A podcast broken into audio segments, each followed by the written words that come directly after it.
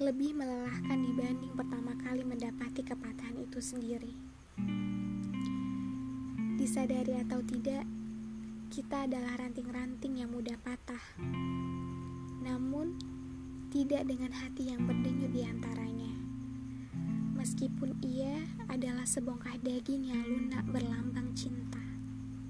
Tapi, pernah sedikit pun ia gampang melepuh di terpa panas ujian dari peristiwa kehidupan. Maka, selayaknya selalu ada harapan. Benar ucapnya, tak peduli seberapa banyak luka yang ada.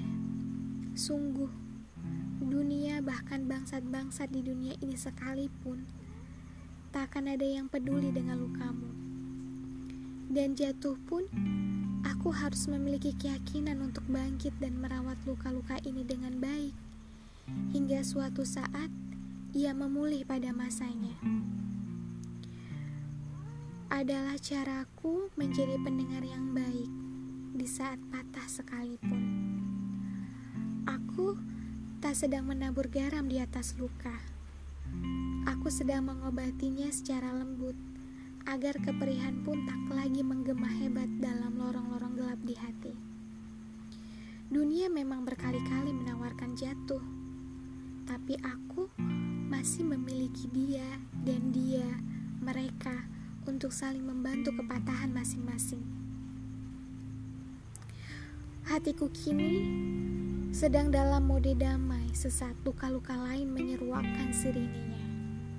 Dan beginilah Tuhan memberikan penawar, membantu dengan cara memperdengarkan kepatahan yang lain, bahwa aku tak benar-benar sendiri di dunia ini merasakan kepatahan yang sama.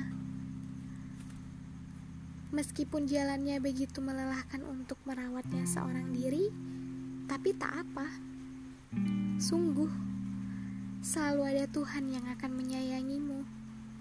Selalu ada kalimat syukur yang akan menenangkanmu. Selalu ada buku-buku yang akan menemanimu. Selalu ada kalimat-kalimat afirmasi positif yang akan menjauhkanmu dari orang-orang yang destruktif. Maka, berbanggalah. Selamat merawat luka bagi siapa pun yang sedang patah.